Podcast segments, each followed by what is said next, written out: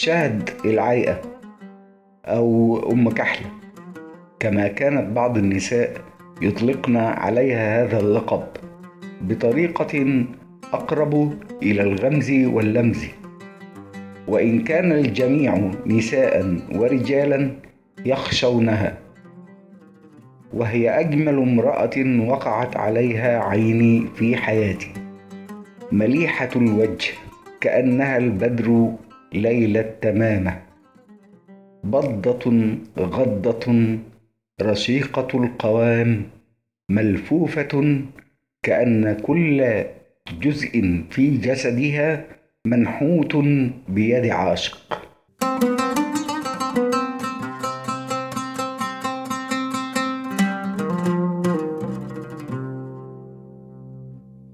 كنت طالبا في ثانوي حين قرر صديق لي يعمل بعد الدراسة مونولوجيست في الأفراح أن يستأجر كشكا بالقرب من باب القلعة ولأن القلعة كانت مهربي من العالم فقد اعتدت المرور عليه كل يوم بعد المدرسة. واعتاد هو بعد قليل أن يترك لي الكشك ساعة أو ساعتين بأي عذر ثم يعود ليعد أعقاب السجائر ويحتج سواء وجد عقبا واحدا أو عشرة ويتهمني بأنني سأخرب بيته بتدخين بضاعته.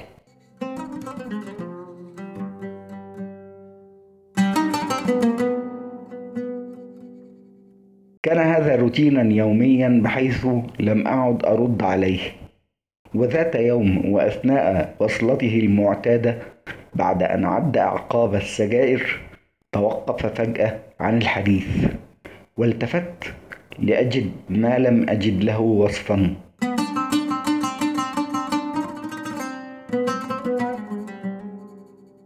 أهو جهنم أم الجنة؟ ذلك الجسد الأبيض.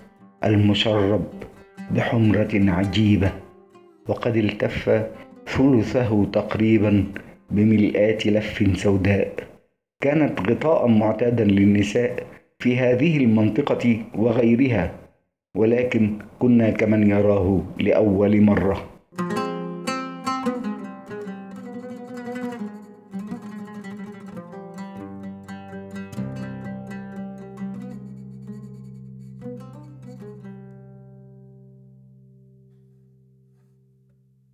كانت تلفها بإحكام على وسطها بحيث تظهر ردفيها كرأسي القلب الذي تعودنا على رسمه كاملتين الاستداره كأنهما صبا في قالب لم يصنع إلا لهما. بينما ترتفع الملاه إلى عند ركبتيها لتكشف ساقين. كأنهما ساقي حورية شفافة من هؤلاء الذين يحكي عنهم الشيوخ في خطب الجمعة. بينما تتدلى بإهمال على أحد كتفيها وتترك الآخر حرا عاريا كشاطئ من المرمر على بحر صدرها الذي يكشف من تحته خيط رفيع من القماش يكمل فتحة الصدر الواسعة. عن نهدين نافرين كأنهما على وشك القفز من هذا الجسد أو الانفجار.